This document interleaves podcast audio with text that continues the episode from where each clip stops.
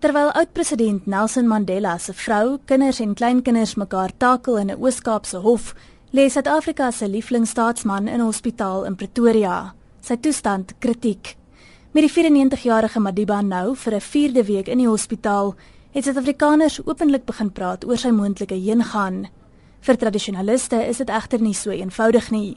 Die politieke ontleder, Dr. Somadoda Fikeni, sê sommiges glo Madiba sal vasklou aan die lewe solank as wat die graftoes voortduur. It is believed that an elderly member of the family or any member of the family wouldn't have a smooth transition to the afterlife if there was still some dispute or discord in the family.